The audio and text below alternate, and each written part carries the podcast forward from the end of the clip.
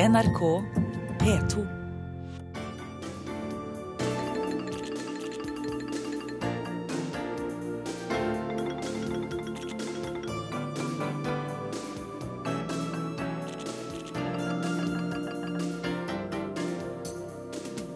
FNs sikkerhetsråd vedtok i natt resolusjonen om Syria. Landet skal fjerne sine kjemiske våpen, men FN truer ikke med bruk av militær makt. USAs president snakker med sin iranske kollega. Det er første gang siden 1979 at, de, at lederne for de to landene har slik kontakt. Gresk politi arresterer ledelsen i det høyreradikale partiet Gyllent daggry. Myndighetene hevder at organisasjonen er kriminell. Og mot slutten av denne utgaven av Verden på lørdag kommer korrespondentbrevet. Og jeg kan love deg at det blir helt rått.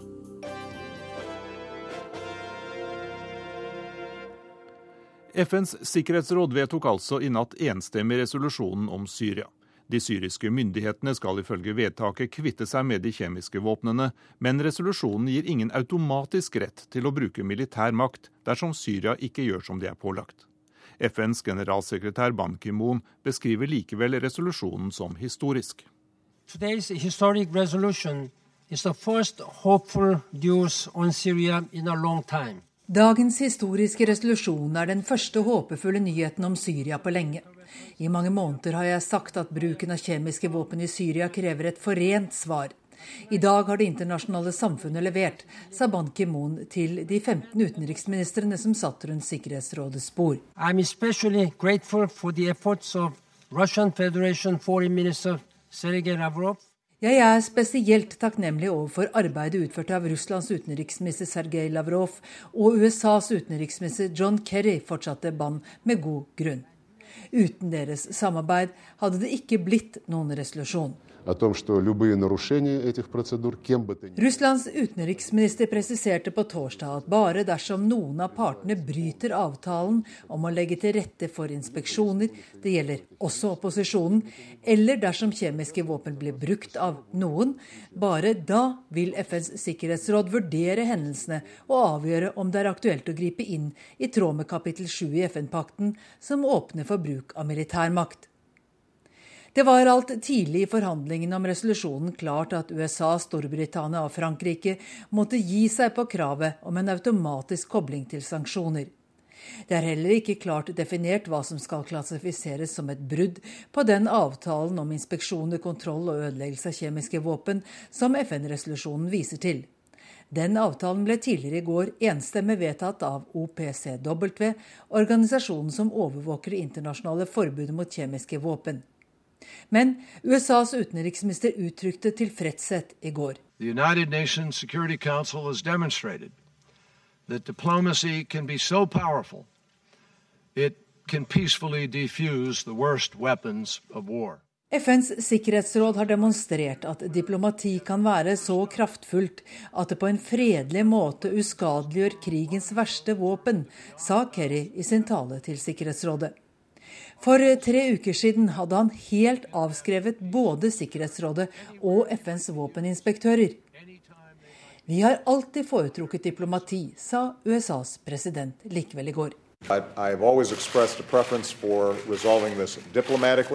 Resolusjonen ikke bare avskrekker og forhindrer videre bruk av kjemiske våpen. Den går lenger enn vi kunne gjort med militær aksjon, ved at den også vil ødelegge våpnene, sa Obama.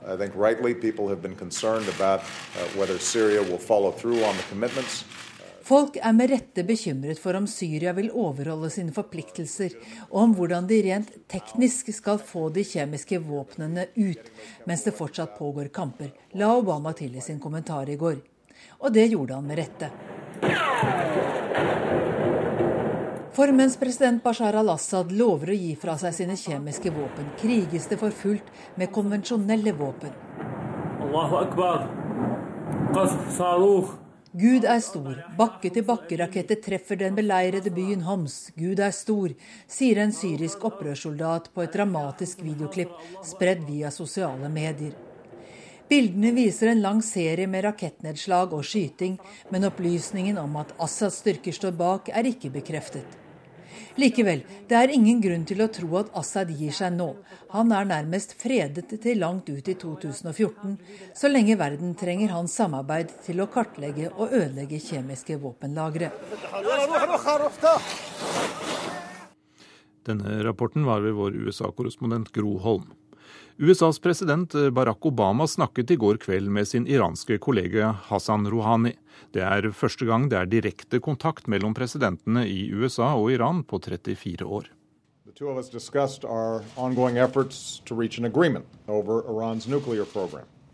While there will surely be important obstacles to moving forward, and success is by no means guaranteed, uh, I believe we can reach a comprehensive solution. Selv om skepsisen er stor, så tror altså Obama at det kan være mulig å komme fram til en avtale om det iranske atomprogrammet. Det har vært en svært spesiell uke for det internasjonale diplomatiet.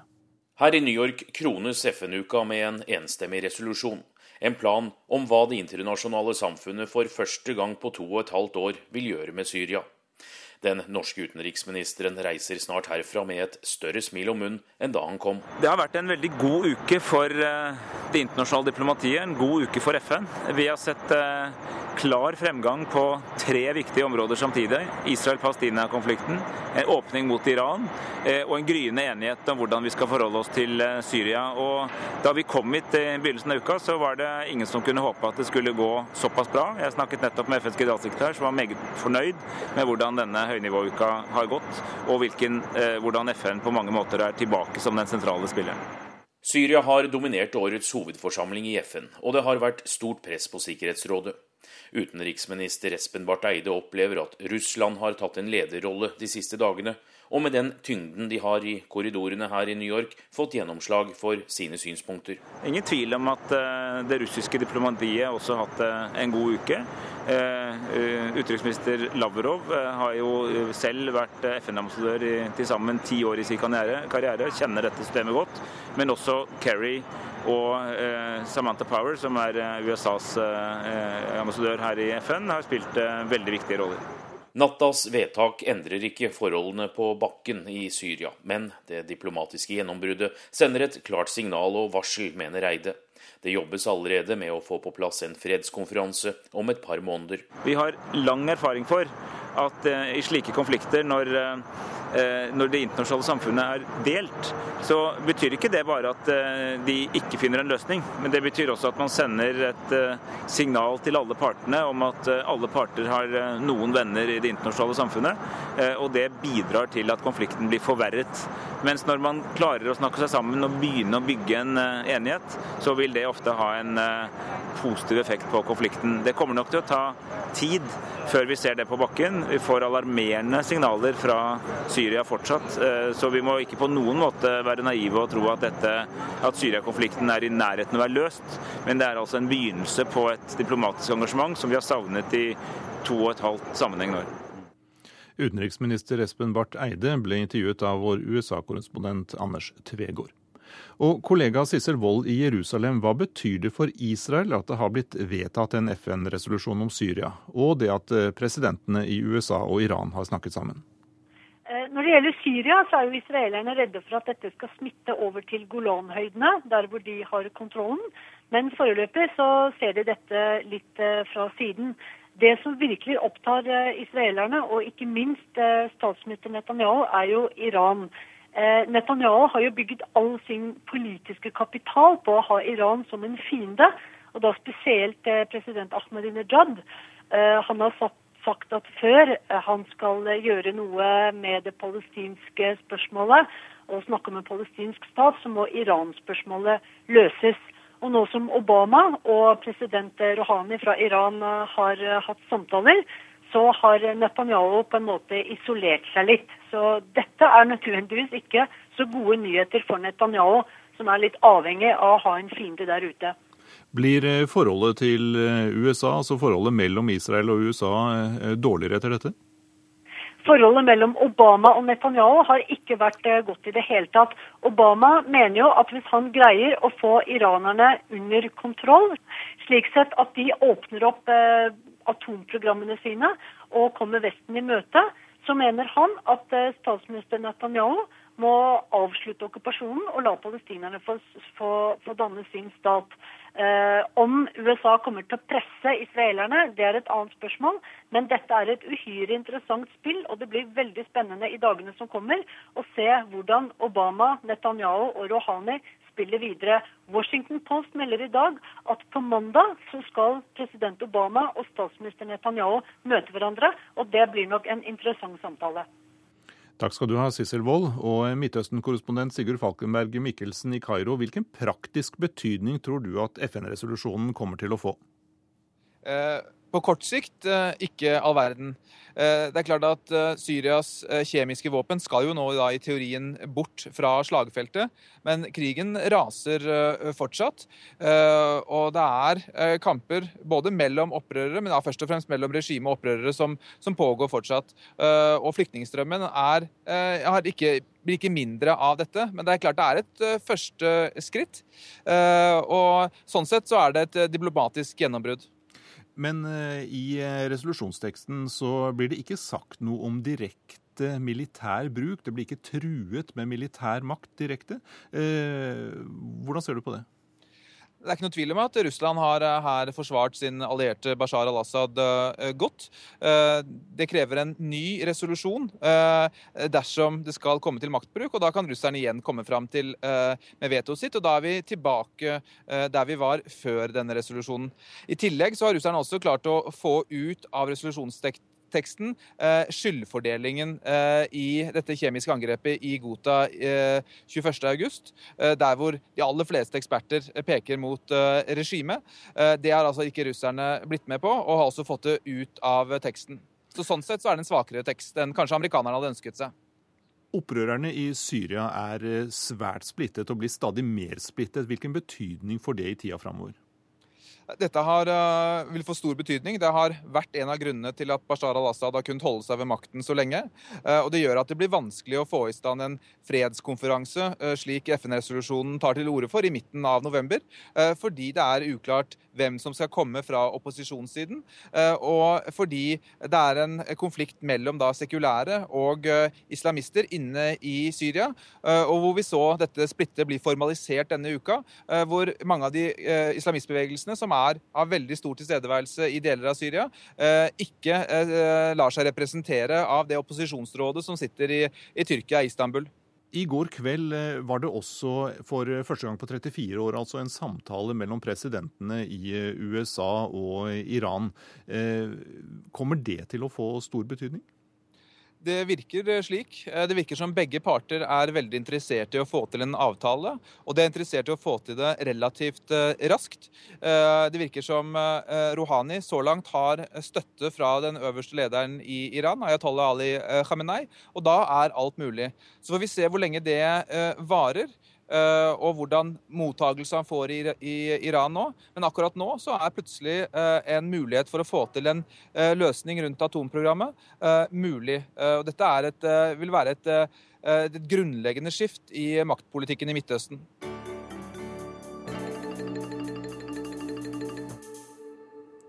Politiet i Hellas arresterte i dag generalsekretæren og et parlamentsmedlem i det høyreradikale partiet Gyllent daggry. Og europakorrespondent Åse Marit Befring, hva er bakgrunnen for arrestasjonene? Ja, De er begge siktet for å ha dannet en kriminell organisasjon. Det vil altså si at uh, Politiet og myndighetene i Hellas mener at partiet Gyllent daggry står bak uh, kriminelle handlinger. Uh, et parti som da har 18 representanter i nasjonalforsamlingen, og som er landets tredje største parti. Politiet har hatt flere razziaer i partilokaler denne uka etter at et av deres medlemmer innrømmet et drap i forrige uke. Og de skal bl.a. ha beslaglagt våpen og politi, politikommunikasjonsutstyr. Hva, hva, kommer til å skje med dette partiet Gyllent daggry nå, da? Det er det som blir det store spørsmålet. Altså Lederen for partiet, Nikos Michaloliakos, som er en av de to, to, som ble arrestert i dag tidlig, han har sagt at han vil eh, sabotere det politiske arbeidet i eh, nasjonalforsamlingen hvis eh, disse anklagene går videre. Og Hvis ikke det skulle skje, så vil partiet trolig uansett bli stilt for konstitusjonsdomstolen hvis det blir bevist at de har organisert kriminalitet. Men det er ikke bare Gyllent daggry som nå er satt under lupen, det gjelder også politiet selv. Eh, og også eh, hæren er mistenkt for å ha hjulpet eh, det ultranasjonalistiske partiet. Those uh, specific uh, shows that Bildene viser at de er nådeløse og i stand til å gjøre stor skade, mener journalist Leftris Pimpelas. Han har gjennom lang tid dekket kriminelle handlinger for avisa Etnos, som medlemmer av det ultranasjonalistiske partiet Gyldent daggry er beskyldt for å stå bak. Denne uka kom han over noen bilder som har vakt oppsikt. Golden Dawn members, they are trained in uh, Ireland near to Athens. Doing, uh, De viser medlemmer av Gyldent daggry som har militærøvelse på en øy utenfor Aten, forklarer han. Mennene er kledd i kamuflasjeklær og har svarte hetter over hodet. Noen holder et balltre i hånda, andre har kniver. Og de trener på krig. They seem to be very, uh, to have a deep knowledge about uh, uh. Og det virker som om de vet hvordan de skal bruke våpnene, sier Pimpelas. Ryktene har gått lenge om tette bånd mellom gresk politi og Gyllent daggry. Nå er flere politisjefer omplassert, mobiler inndratt for å spore samtaler og en intern etterforskning i full gang. Først og fremst dreier det seg om at politiet skal ha sett en annen vei og mislykkes i å etterforske grove brudd begått av medlemmer i det ytterliggående partiet. Men etter de siste avsløringene i media blir også offiserer og tidligere soldater i hæren gransket. Ifølge avisa Vima skal minst 3000 menn være klare til kamp. Leftris Pimpelas frykter en sammenblanding. Yeah, I think that, uh, They share the same uh, ideology with uh, Golden Dawn. Jeg tror tidligere spesialsoldater trener dem, sier han, men uh, very, very, very to, to Det er også lett å infiltrere hæren, mener journalisten. Forsvarsministeren i landet har sagt at så langt tyder ingenting på det. Gyllent daggry sier de er patrioter med en ideologi som har røtter i det gamle Hellas. Men de vekker heller til live minner om gamle Nazi-Tyskland. Uniformert i svarte jakker og T-skjorter med partiets symbol formet som et hakekors, har de flere ganger rasert markeder der innvandrere forsøker å selge varene sine. De er mistenkt for knivstiking og vold mot immigranter. I april måtte en 14 år gammel afghansk gutt sy 300 sting bare i hodet etter et møte med dem. De hadde brukt en knust flaske, forklarte han til legene.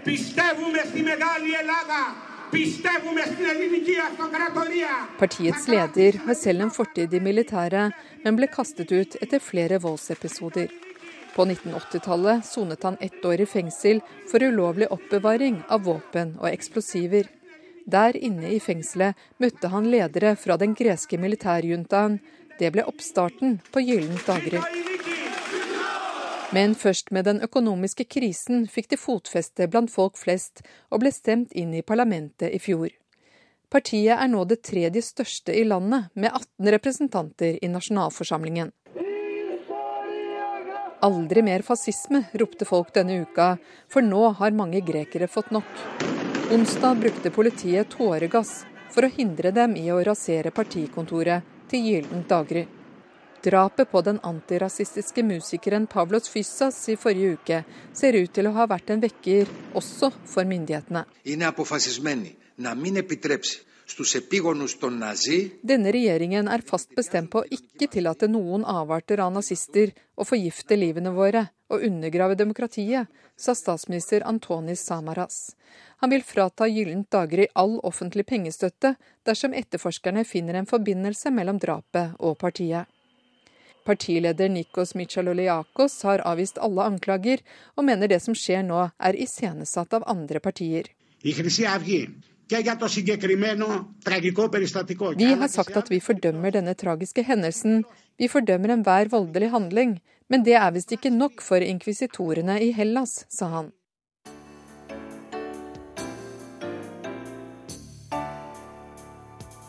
Og nå til en pikant navnestrid i Storbritannia. Vår korrespondent Espen Aas rapporterer. Tenk deg følgende. Byen du bor i skal skifte navn, og adressen blir noe i nærheten av dette. Ola Olsen, Storgaten 55, 1234, Prompeegg. Ja, Prompeegg. Det får nemlig innbyggerne i den lille walisiske byen Varteg som adresse, dersom noen får viljen sin. Walisiske språkforkjempere vil nemlig døpe om alle stedsnavn som inneholder bokstaven V, for den finnes nemlig ikke på gammelwalisisk, men er kommet til fra engelsk. De vil ha seg frabedt engelske tegn i det walisiske språket, og foreslår dermed å bytte ut V i Varteg med F, og det nye navnet blir dermed Farteg. Nesten som før altså, og det ser noenlunde greit ut på trykk, men når du uttaler det, blir det altså fartegg eller prompeegg, om vi skal oversette det til norsk. Mange av de tusen innbyggerne er forferdet og sier de vil bli ydmyket hver eneste gang de sier adressen. Men Varteg er et sted for dem som liker å holde på walisiske tradisjoner. Der ligger også den ene av de to grunnskolene hvor det undervises på nettopp walisisk. Klart byen ikke kan ha et anglofisert navn da. Kampanjen for navneskifte vil også skifte ut alle veinavn og skilt slik at det skal stå Farteg med F, stadig til dyp fortvilelse. Et slags kompromiss er foreslått, nemlig å sette bokstaven Y foran farteg, men det blir kanskje like morsomt på engelsk. Why fartegg? Hvorfor prompeegg? Det vil si, på walisisk handler ikke navnet om verken promp eller egg. Ekspert på det walisiske språket, Sifin Campbell, iler til for å hjelpe. Well, it doesn't, it doesn't mean anything uh, with, with a V. Navnet stavet med en V betyr ingenting på walisisk, sier Campbell, men med en F gjør det det. Første delen av navnet forteller oss at det bor en lovens mann i byen. Den andre delen av navnet forteller oss at det er vakkert der, men altså kun når navnet staves med F. Jeg tror jeg kan forsikre at det vil være en fattig trøst idet turistene kommer kjørende og vil la seg avbilde ved siden av et skilt med bynavnet på, for senere å spre det på sosiale medier og alskens andre nettsider. Og gjett om det også kommer til å bli en del mediereportasjer. Jeg innrømmer at jeg er fristet. En like fattig trøst er at det mange steder på engelsk side er en del pinlige navn. Lengst sørøst her i London har vi f.eks. Pratt's Bottom, som kan oversettes til dustens rumpe. Eller hva med Shitterton i Dorset? Her trenger jeg neppe oversette. Crapston i Devon. Crap er både et banneord og noe som beskriver en daglig toalettaktivitet. Stone er selvsagt stein. Mest relatert til det walisiske problemet finner vi kanskje i Skottland. Broken Wind i Aberdeenshire. Break wind er synonymt med nettopp prompe. For ikke snakke om en viss eh, T-banestasjon her i London, da, som mange utlendinger humrer til. Cockfosters, endestasjonen på Piccadilly-linjen. Cock betyr hane, eller en mer obskjøn betegnelse på mannlig kjønnsorgan, og er for lengst blitt en internetthit.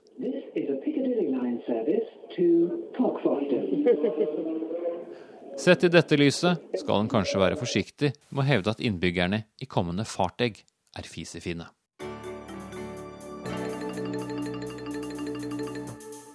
Det er ikke lenger tvil. Forskerne er nå sikre på at klimaendringene er menneskeskapte. FNs klimapanel la i Stockholm i går fram sin femte rapport om jordas klimatilstand. Og lederen for klimapanelet, Rajendra Pachauri, var tydelig på at vi må handle snarest. It's, a, it's a much stronger message in terms of what human actions are doing to the climate. Is it too late to do anything? No, I don't think it's too late, but I certainly believe that if we want to stabilize the Earth's climate, then we have to take action rather quickly. Tora Skodvin, du er professor i statsvitenskap ved Universitetet i Oslo og arbeider spesielt med spørsmål som gjelder FNs klimapanel og internasjonal klimapolitikk. Eh, hvor viktig er denne rapporten som klimapanelet nå har lagt fram? Altså, det er jo viktig å få sånne påminnelser fra forskersamfunnet om at dette er et alvorlig problem, og at de er ganske sikre på at det er et alvorlig problem.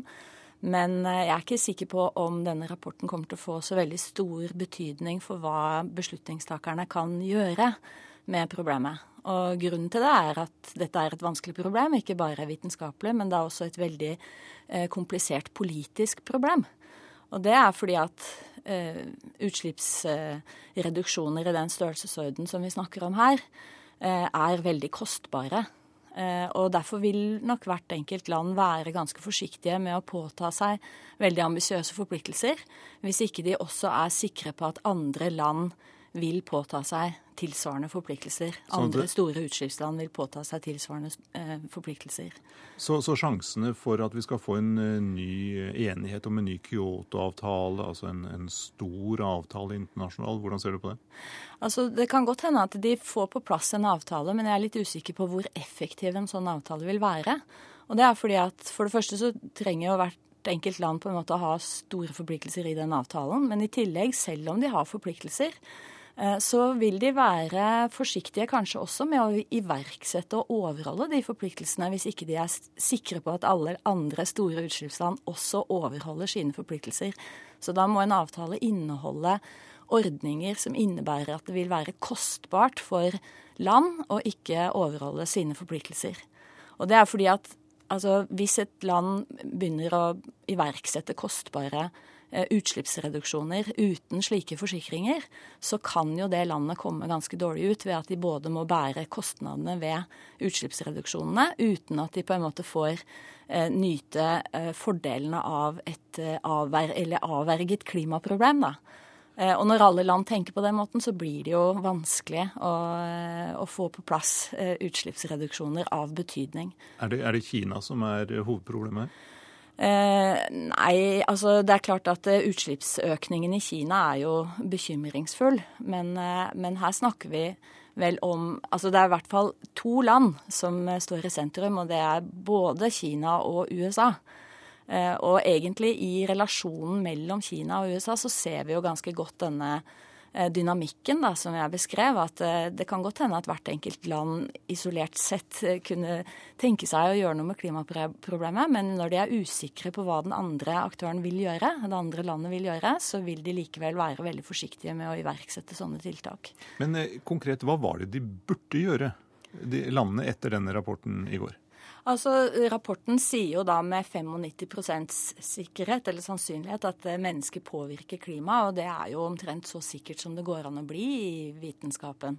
Eh, sånn at eh, hvis man skal ta den overordnede konklusjonen fra panelet som utgangspunkt, så bør jo landene bare begynne å redusere utslippene sine med en gang.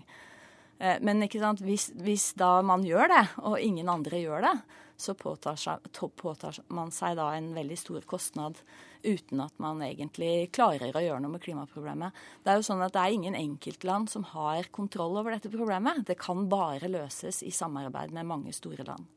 Takk skal du ha, professor Tora Skodvin.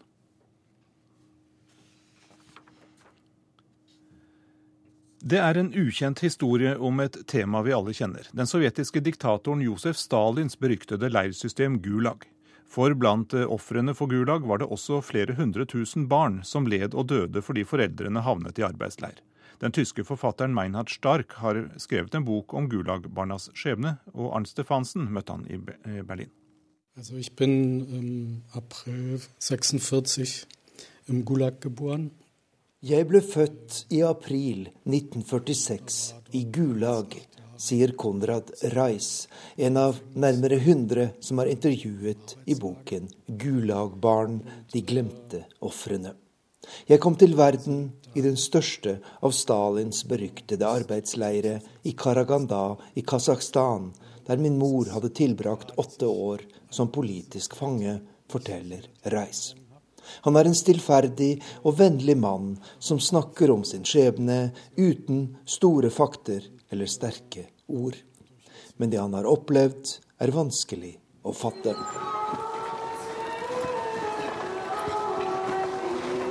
Det var et helvete på jord, med isnende kulde, evig sult, vold og fornedrelse og elendige sanitære forhold. Millioner av mennesker havnet i Stalins gulag. Svært mange av dem var politiske fanger som hadde falt i unåde hos regimet. I første omgang sovjetiske statsborgere, senere også østeuropeere og tyskere. Det var ikke bare en menneskelig katastrofe for dem selv, men også for deres barn, sier forfatteren Maynard Stark, som denne uken presenterte sin bok om Gulag-barna her i Berlin. Ich bezeichne Gulag-Kinder als jene, deren Eltern jeg bruker betegnelsen Gulag-barn på alle barn som opplevde at deres foreldre ble sendt i Stalins arbeidsleire. Noen av disse barna ble født i leirene og levde der sammen med sin mor.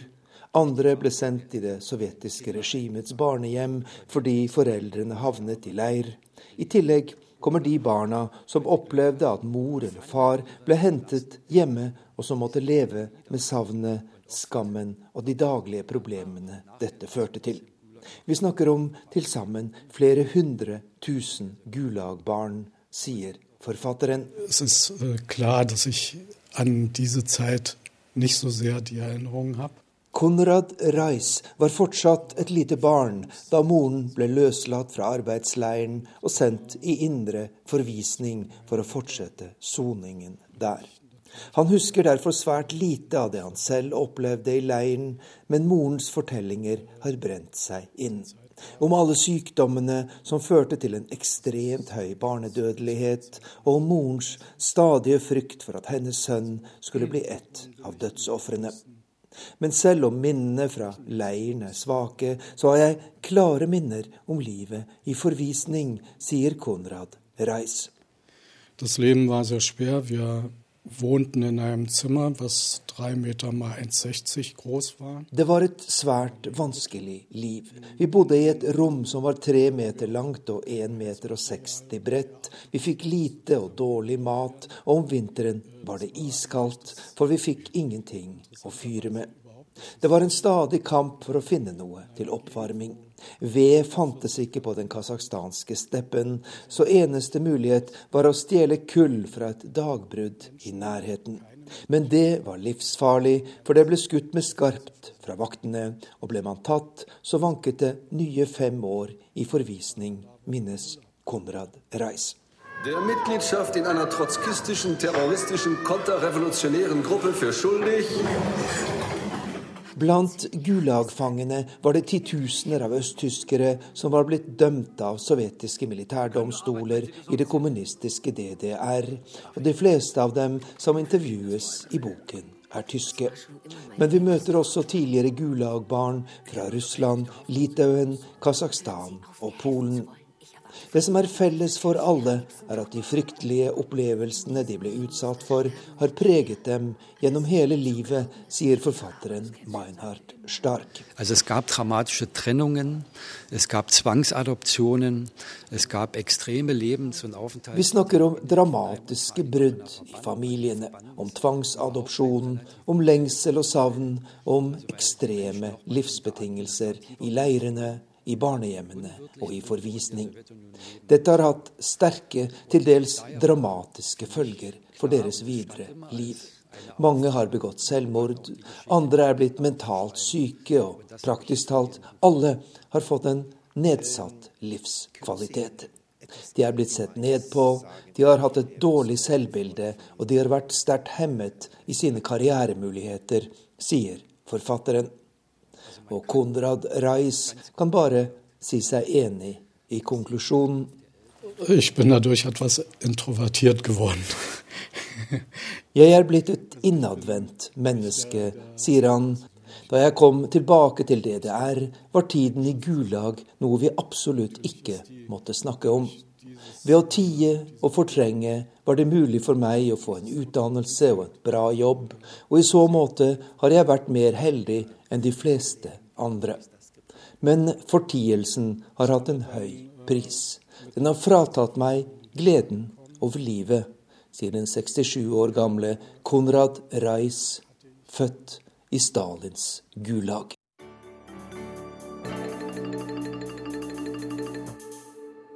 Den norske nobelhøsten står for døra. Den 10. desember skal Nobels fredspris deles ut i Oslo rådhus, og om knappe to uker får vi vite hvem som blir vinneren.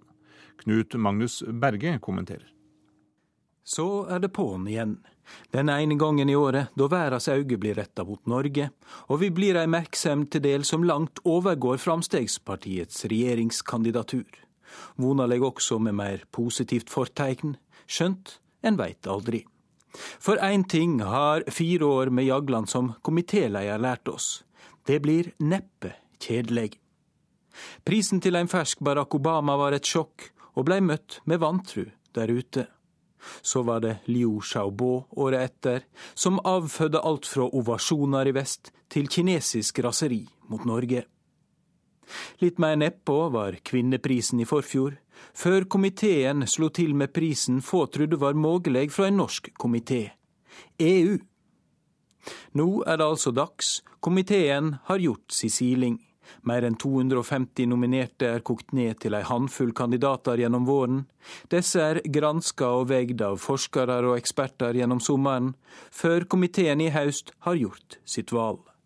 Bare de fem komitémedlemmene og komitésekretær Lundestad kjenner svaret. Dermed er det klart for et nytt årvisst rituale. Spekulasjonene og jakta på visshet. Kjem noen til å finne ut av det på forhånd i år? Sikkert en viktigere disiplin innad i mediene enn for det breie publikum, men likevel. Det er grunn til å håpe at det heller ikke i år blir kjedelig. Blir det 16 år gamle Malala, det ville være spektakulært. Jenta som blei skutt i hodet av Taliban på en buss i fjor fordi hun fronta skolegang for jenter. Men er hun ikke altfor ung kan en belaste hennes framtid med en så stor pris?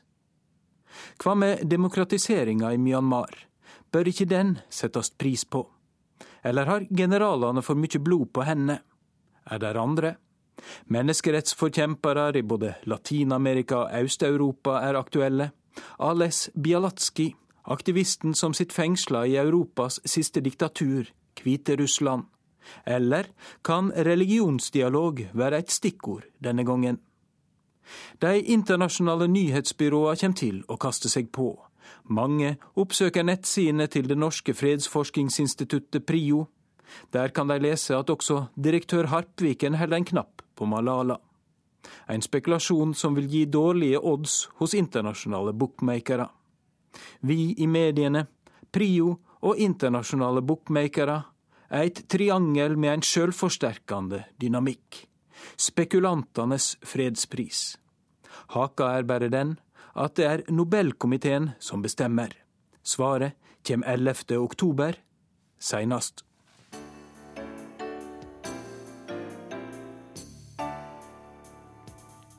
I slutten av november ønsker Ukraina å inngå en omfattende samarbeidsavtale med EU. Denne uka sa Russlands statsminister Dmitrij Medvedev at hvis det skjer, så er det slutt på alle Ukrainas samarbeidsprivilegier med Russland. I Ukrainas nasjonalsang så er refrenget 'Ennå har ikke Ukraina gått til grunne', og mange ukrainere tenker nok på det når de hører truslene fra russisk side.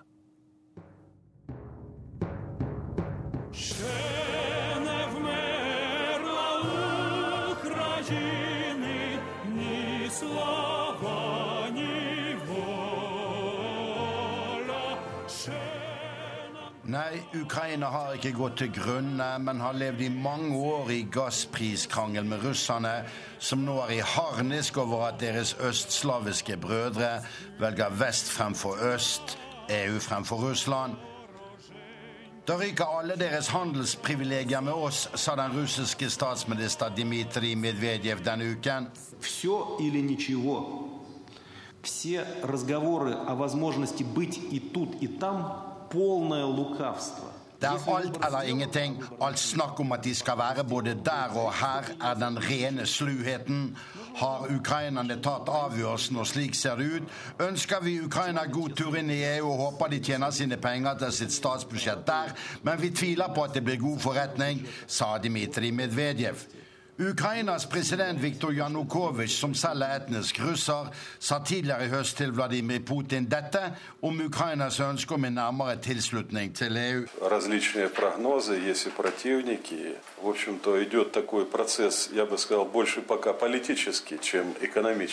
Det er ulike prognoser. Hos oss er det også motstand mot EU. Men prosessen som pågår, er mer selvfremdrivende enn økonomisk sa Ukrainas president til sin russiske kollega, og Vladimir Putin grep det poenget da han svarte.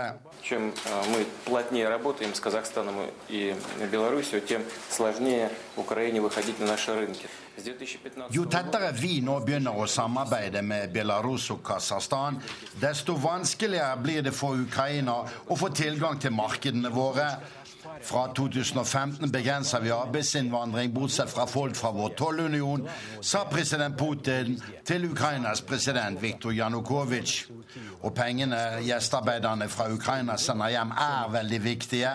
Likevel velger mannen som Putin støttet av alle krefter da han tapte oransjerevolusjonen i overgangen fra 2004 til 2005 nå, annerledes enn Putin vil.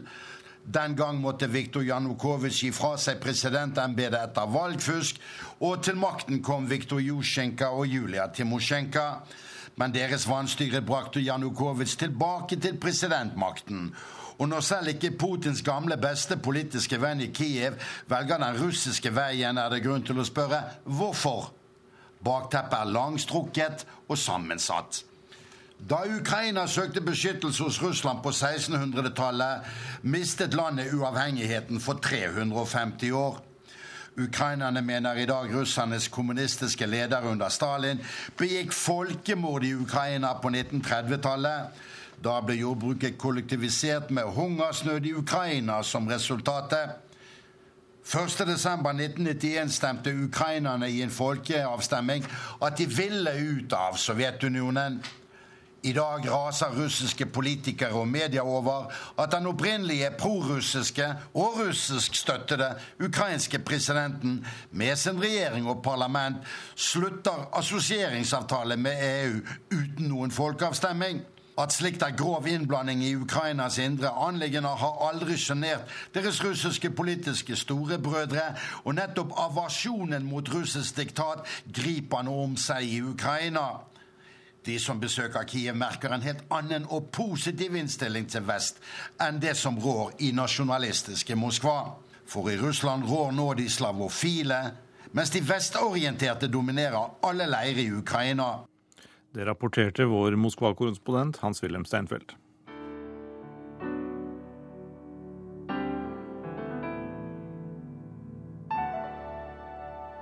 Cuba står midt oppe i de største økonomiske reformene siden Fidel Castro tok bakten i 1959. Denne uken var Fidel Castros sønn på besøk i Oslo, og han nekter for at onkel og president Raúl Castro er i ferd med å kaste kommunismen over bord og innføre kapitalisme. and the infant, infant uh, mortality rate is 4.6 per Han har kanskje ikke arvet sin fars talegaver og retoriske slagkraft. Men av utseende er Fidel Castro Diaz Balart som snytt ut av Fidel seniors nese. Han er sønn av den cubanske revolusjonslederen og ubestridte kommandante frem til sin avgang i 2006, Fidel Castro. Denne uken besøkte den 64 år gamle Fidel junior, eller Fidelito, lille Fidel som han er kjent som på Cuba, Norge for første gang. For å delta på et seminar om hjemlandet ved Norsk utenrikspolitisk institutt. Dit kom han i rollen som forsker atomfysiker, visepresident for Cubas vitenskapsakademi og rådgiver for den cubanske regjeringen. Politikken har den yngre Fidel forsøkt å holde på en armlengdes avstand. Onkel Raúl Castro tok over som president i 2006 og har iverksatt det største reformprogrammet på øya siden revolusjonen i 1959. Well, I, I think that it's not the first time. Maybe it's the, the, the most the broadened uh, reforms has been taken now. Markedsreformer må til, og staten må slankes, innrømmer nå kommunistregimet. I think that they're very important because we call it guidelines. Som følge av 313 reformer vedtatt av partikongressen i 2011, får nå cubanerne åpne sine egne bedrifter og til og med ansette andre cubanere i lønnet arbeid. 400 000 cubanere jobber nå i privat sektor. mot 150 000 for bare tre år siden. En storstilt jordbruksreform er også satt i gang. 70% av Cubas jordbruksland eies nå enten privat eller av kooperativer. Er Cuba i ferd med å innføre kapitalisme? Cuba is, is a country that doesn't live in a lab. It lives in an international context Cuba lever ikke i et laboratorium, men i en internasjonal kontekst der visse økonomiske lover styrer. Kapitalismen har skapt grobunn for smarte tanker rundt økonomisk styring og innføring av nye ideer og teknologi. Og disse kan vi ta i bruk, for de er ikke nødvendigvis koblet til kapitalisme som økonomisk system. Vi bryr oss ikke hvor det kommer fra, bare om hvordan det tas i bruk sier Castro, som vil kaste de gamle dogmene om kapitalisme og kommunisme over bord.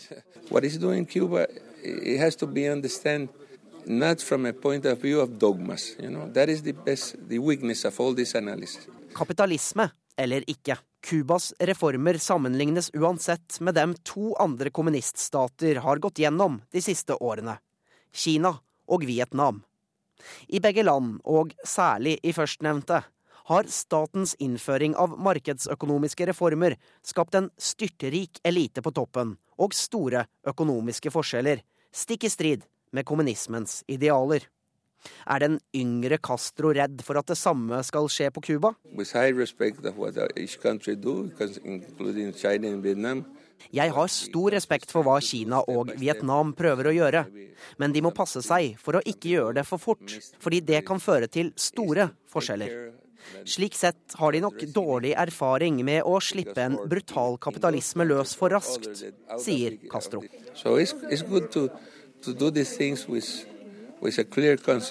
Og så til slutt, da. Det vi alle lurer på. One thing we're very concerned about, of course, how is, how is your father doing?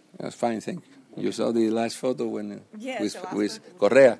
Min far har det fint, takk, sier Fidel Castro Diaz Balart. Det sa reporter Stig Arild Pettersen.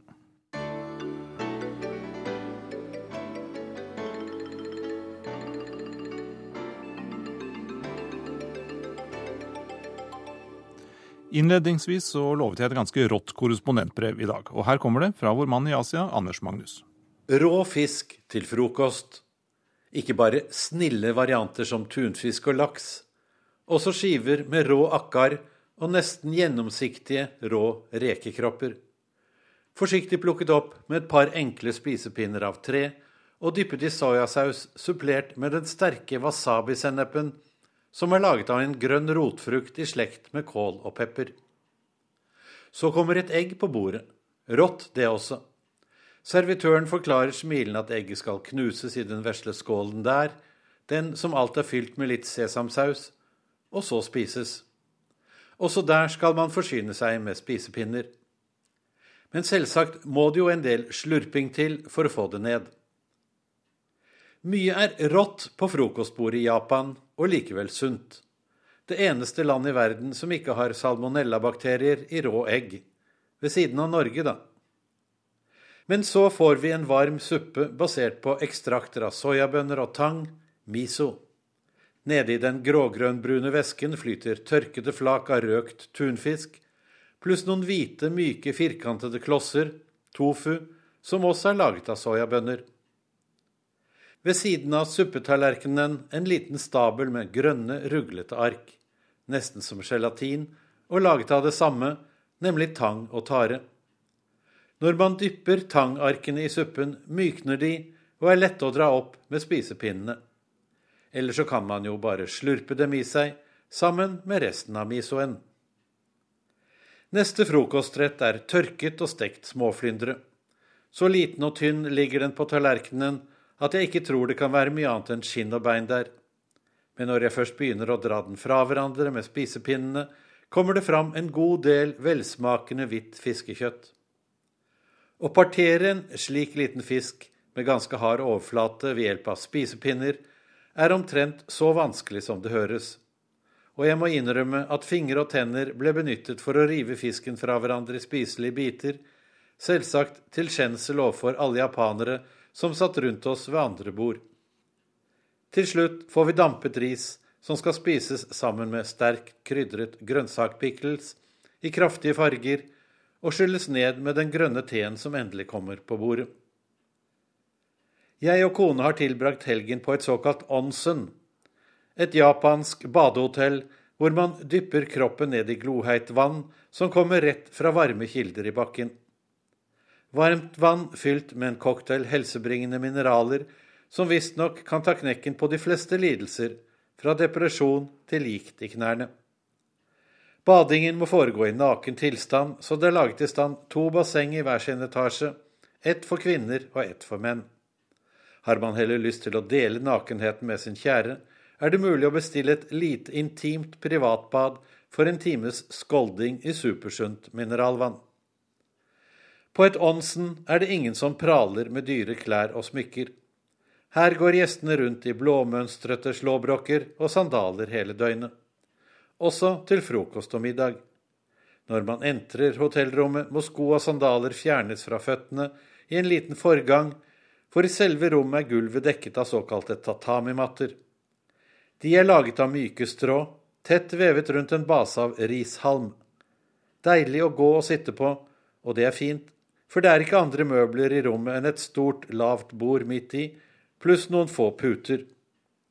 Her skal man bevege seg rundt bærføtt, iført den tidligere omtalte japanske slåbroken, slappe av og glemme slips og dress og stress i storbylivet inne i Tokyo, Osaka, Nagoya eller hvor man nå kommer fra, for å nyte noen dager i dette fredelige paradiset. Om kvelden flytter stuepikene bord inn til veggen og ruller ut madrasser og sengetøy rett på tatamimattene. Slik levde mange japanere på tradisjonelt vis i gamle dager. Nå er det først og fremst velhavende folk som har råd til rom dekket med kostbar tatami. Vårt Onsen-hotell ligger i byen Shirahama ved Stillehavskysten, et par timers togtur sør for storbyen Osaka. Rett utenfor hageinngangen tråkker vi ut i finkornet sand på en av de bredeste og hviteste strendene i Japan. Mye hvitere og jevnere enn de mer steinsatte og brungrå strendene vi så da toget brakte oss ut til kystlinjen på vei til bestemmelsesstedet. Men så er det da heller ikke heimeavla sand, så å si, som ligger her. I mangfoldige båtlaster er den importert helt fra Australia for å lyse opp i denne bukta og gi ry til badestedet. Sjøen nedenfor stranden er det heller ikke noe å si på. Jevn og fin bunn, klart og rent vann som funkler i turkise sjatteringer, og en havtemperatur på godt over 20 grader nå i slutten av september. I lufta er det enda varmere, 27-28 grader i skyggen.